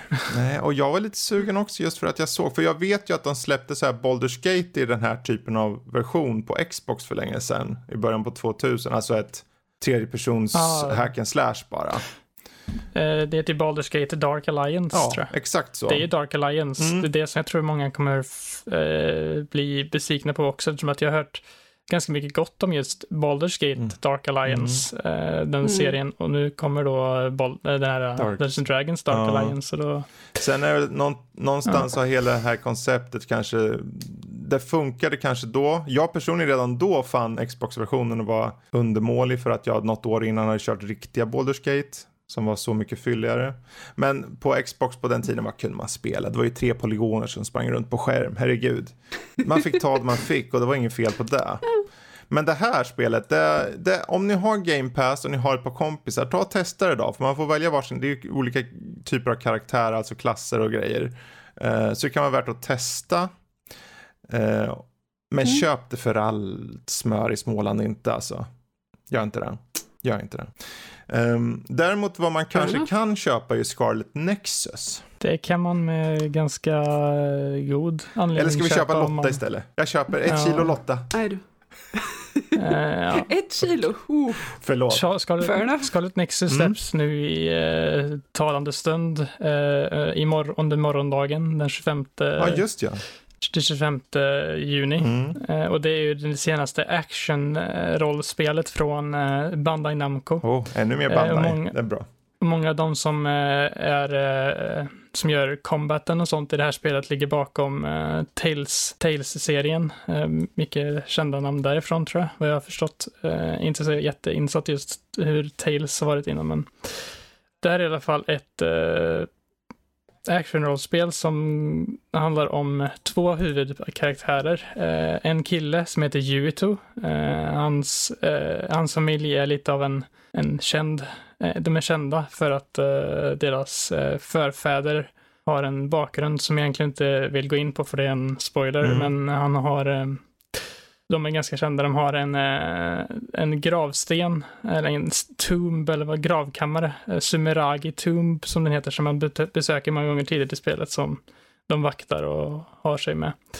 Eh, och sen har vi då Kasane, eh, som Oh, har eh, en elitkadett, tapp- som man kallar det för, som eh, blir eh, scoutad av eh, The uh, Other Suppression Force, alltså en resistansrörelse som eh, ska eliminera typ aliens som har kommit till jorden som kallas för The Others. Eh, de här eh, har invaderat jorden vid ett eh, ställe som heter Extinction Belt och eh, eh, ja, det är typ en invasion som pågår och den här styrkan eh, har eh, håller på att försöka få bort den här, eh, det här hotet då. Eh, och eh, världen det utspelar sig långt i framtiden. Eh, det är en eh, Världen är inte som vi tänker den idag, utan det, samhället heter eh, New Himuka. Eh, det är antagligen långt fram i framtiden i Japan, skulle jag tro, för det är mycket japanska namn och sånt, och det är ju typ ett japanskt spel dessutom. Eh, och när det kommer till eh, striderna så är det ju ett eh, actionrollspel som sagt. Du som både Yuti och Kasane, vilken story du än kör så kan du använda psykokinesis-attacker, alltså telepati, för att kunna kasta föremål och sånt på dina fiender. Och um, det finns mycket dynamik i hur du kan använda olika krafter och sånt som du kan få från dina kompanjoner som du är med i det här OSF med. Mm. Eh, så det finns en, ett system som heter SAS, eh, som är, ni länkar era hjärnor till varandra, så du kan låna folks förmågor och alla Okej. har olika förmågor. Vissa kan eh, göra dig osynlig, vissa kan göra så att du ser osynliga fiender, vissa kan göra dig jättesnabba, vissa kan göra dig blixtattacker attacker och allt möjligt. Och det, det krävs att du använder alla de här förmågorna för att kunna ta ut fienderna för de olika svagheter och sånt. Mm. Och combaten skulle jag säga påminner mycket om de, de, sånt man kan hitta i Platinum Games spel. Eh, de som gör Bayonetta, Astral Chain eh, och de spelen. Så är det mycket för det är mycket, det är ganska följsamma kontroller och sånt. Eh, och eh, movesen ser ganska så här Platinum Games ut. Och om man vet vad jag pratar om så vet man vad jag pratar om när det är. det, är, det är bra flyt i det helt enkelt. Uh, och sen tycker jag även att berättelsen är väldigt intressant och den blir bara mer och mer intressant ju mer de spelar. Uh, inför med recensionen mm. som jag skrev nu så har jag spelat igenom hela Kasanes story och typ halva av Juvitus mm. story. Eh, men jag märker redan på halva av Unity Story att det skiljer sig ganska mycket åt, för de tar lite olika vägar. De möts på på vissa, plats, eh, vissa tillfällen, eh, för storyn går ihop mycket. Men det finns även väldigt mycket individualitet i dem, så det är värt att köra om båda två mm. för att få ut mycket av dem. Mm. Och sen, det är värt att nämna, det, det är väldigt anime, om man säger så. Det är japanskt, eh, det är japanskt spel och det, det märks tydligt i mycket av eh, konversationerna och sånt mellan eh, dina karaktärer och sånt. Så man är, det är lite som att spela ett, en anime-serie på sätt och vis. Och inte för att du inte, även om du är emot det, att du kan få ut någonting eftersom att striderna är så pass bra och eh, följsamma och roliga att, ja, genuint roliga att spela mm. helt enkelt. Eh, så att eh, det är en stark rekommendation från min sida. Kul. Sen även eh, om du gillar Persona-serien mm. till exempel så tror jag att du kan få mycket av musiken i det här spelet för att jag får väldigt mycket Persona-vibbar i mycket av eh, mm. soundtracket. Så lite så här jazz eh, stryk på det. Ja, men Scarlet Nexus. Men det är kul att, alltså det är just det här att få, att det kommer något nytt spel. För det här är väl ett nytt IP och så? Yes, ja. och uh, inte för att spoila någonting för det, men uh, det finns en ganska stor sannolikhet att vi får en uppföljare på det här spelet. Mm, Okej. Okay. Så det är en cliffhanger eller på slutet? typ, ja. ja. Okay. Typ, eller det bygger upp mot någonting. Okej, okay, spännande. Mm. Ja. Så att, ja. Bra, bra, bra. Definitivt rekommendation från min sida om du gillar actionspel och anime. Okay. Eh, estetik. Bra att du sa både anime och action. För om det är något det finns väldigt mycket anime i och action är det ju Guilty Gear Strive. Mm. Det är ju... Bandai också. Ja, precis. Eh, det är mycket, det är en trifecta där. Men nu, förvisso hade vi den gode Max med som verkligen gav hän till sina lustar att berätta om det här spelet sist. Så, men du hade någon mhm. specifik sak du ville ta upp. Va, va, låt oss höra, vad var det för något nördlotta ville ta upp nu om Guilty Gear Strive? Jo men alltså det kommer ju alltid eh, i början av ett, ett nytt fightingspel eller bara en ny patch av ett fightingspel så blir det diskussioner om balansering. Mm. Och vissa påstår att somliga karaktärer är OP och andra påstår att andra karaktärer är OP och, och alla är lika eh, bestämda på sin ja, åsikt. Ja, of course. Eh, men nu, i Guild Gear Strive, så är faktiskt samtliga spelare i princip helt överens om att det finns en karaktär som är så balanserad, så OP, så att det, det är liksom okay. inget snack. Vilken då? Vi, vi, jag ska skriva upp den. Sol Sol Bad Jaha, Guy. Han, vad han jag körde jag körde? Maskoten. Yeah. Det, är, det är huvudkaraktären. Ja. Och självfallet så har man konfronterat utvecklarna om det här. Och de har sagt ja, det är han. För att han är OP i berättelsen. Mm. Han ska vara OP. Det är meningen. It's not a bug, it's a feature. Men då får de ju banna han från typ turneringar och sånt antar eftersom att Antagligen. För jag, Antagligen. Antingen banna honom eller om man har no några speciella handikappregler. Eh, men jag tycker det är så, så uppfriskande, så fantastiskt att dels att man tillåter en karaktär vara mm. bättre än de andra för att, you know, det passar i fightingspelberättelsen för att ni vet att storyn är så viktig i fightingspel. Mm. Viktigaste delen. Eh, ja, precis. Och att utvecklare bara går ut helt kallt och säger ja, så är det. Det är meningen. Jag tycker så mycket om det så jag var tvungen att nämna det. Jag, jag vet ju uh -huh. att uh, i andra, i Smash till exempel, när det kommer en karaktär som uh, Eh, det var i Wii U-spelet Super Smash Bros Wii U så var Bayonetta när hon kom till Super Smash Bros helt totalt sönderbruten.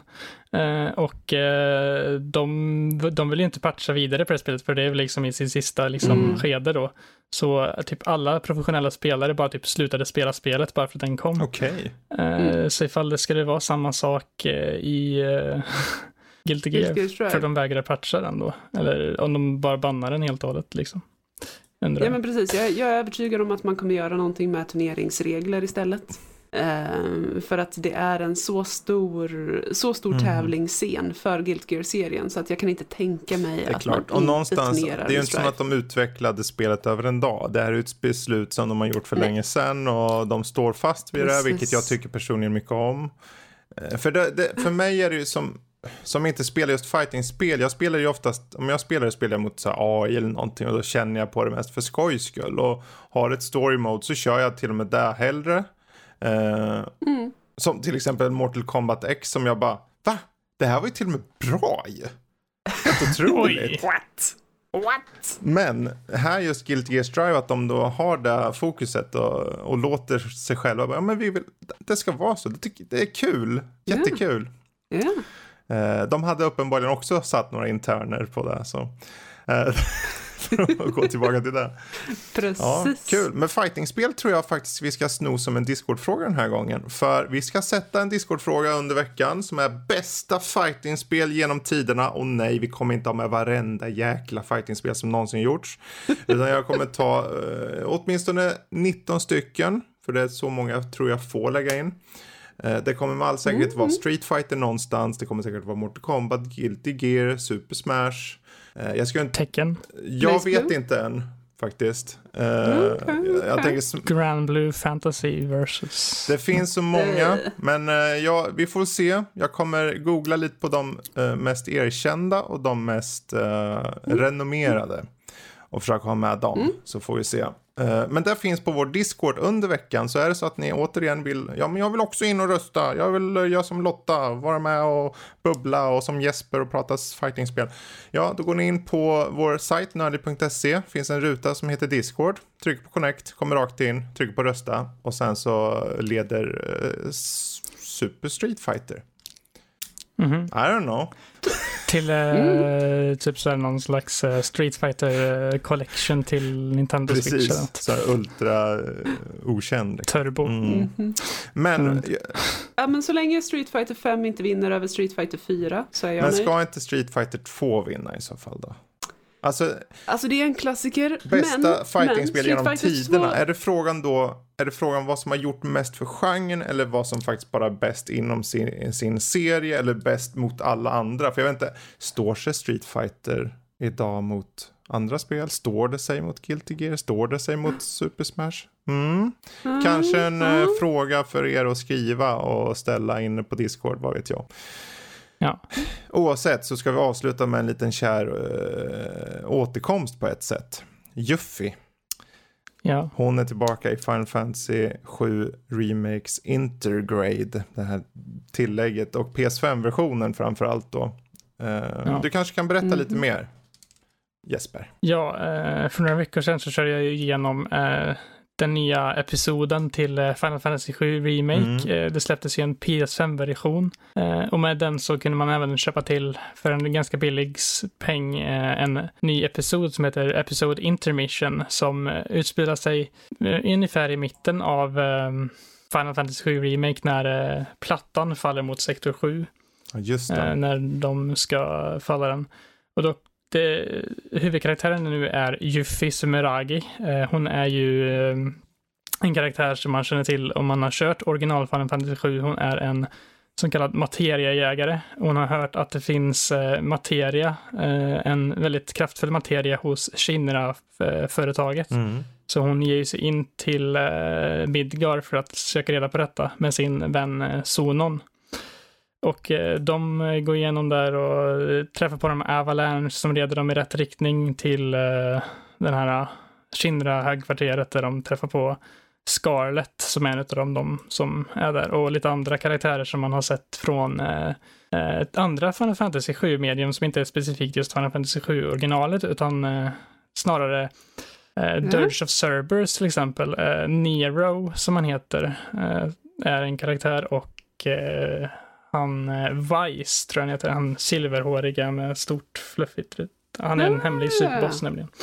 Eh, och eh, det, här, det är en ganska kort episod. Det tog mig ungefär fem timmar att klara Mm. ut. Eh, men det som är unikt med att det, du får köra med en ny karaktär som har lite nya förmågor. Yuffie kan använda sin eh, kaststjärna både för att kasta eh, på avstånd och så att de fastnar på fienderna och då kan han använda en slags förmåga som kallas för ninjutsu. Eh, en slags magisk förmåga som ger magiskada.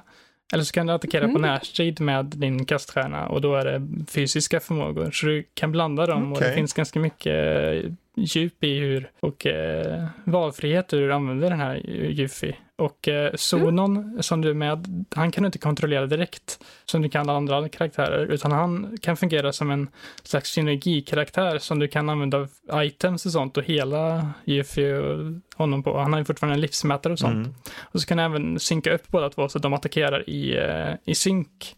Och så kan du göra extra starka förmågor och sånt med dem tillsammans. Eh, ja. Och eh, det känns ändå ganska nytänkande i det sättet. Mm.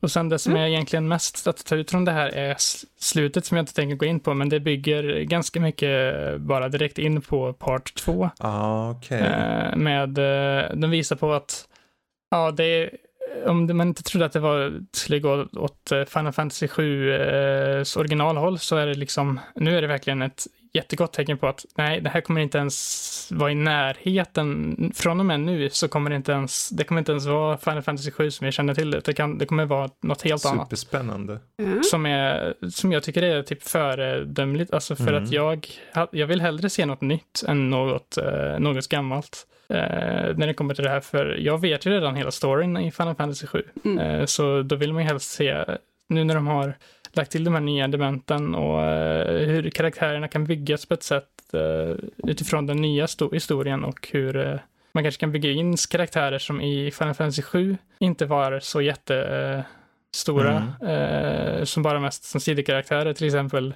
Vincent som man, man har inte sett någonting om honom här, men han är ju en karaktär där som inte eh, som inte riktigt har någon jättestor roll i spelet, utan han är mest en side-karaktär som man kan låsa upp. Och det är samma sak med Yuffie, men det verkar som att hon har en större roll, så då kanske han också får det. Mm. Och det finns mycket potential mm. att eh, den här blir bra. Och sen eh, kanske även värt att nämna att jag fattar inte hur man kan köra det här spelet nu utan 60 FPS, för eh, det är ju verkligen, på tal om det, för det här är, det flyter på så bra på PS5. Precis, för det är ju samtidigt en PS5-version så att säga. Eh, mm. Hela den här Integrade. Mm. Saknar dock kanske, kanske en eh, typ DualSense integration mm. i kontrollen, för det känns de har inte lagt till någonting sånt. Det kanske vi eh, ser vilket... med det, med part 2, en full, full integrering. Mm. Antagligen. Precis. Eh, det skulle förmodligen de inte göra det, men... Eh, det Där får de också sätta Ratchet. några interner på tror jag. Det går från Ratchet så, uh, vad heter det, är det lite skillnad att man, då saknar man ju lite mm. där. I Ratchet så är det verkligen så här väldigt yeah. tydlig integration. Så det är... Precis. Jag säger det, fler interner åt folket. Vi ska slå mm. ihjäl den, det skämtet tror jag. Um, ja, vad va kul. Äntligen fick vi höra lite om Intergrade också, eller Intermission framförallt. Um, jo, jag tänkte nu har ju faktiskt alla nördlivare, precis som på Brukshundsklubben, fått säga sitt. Jesus. ja.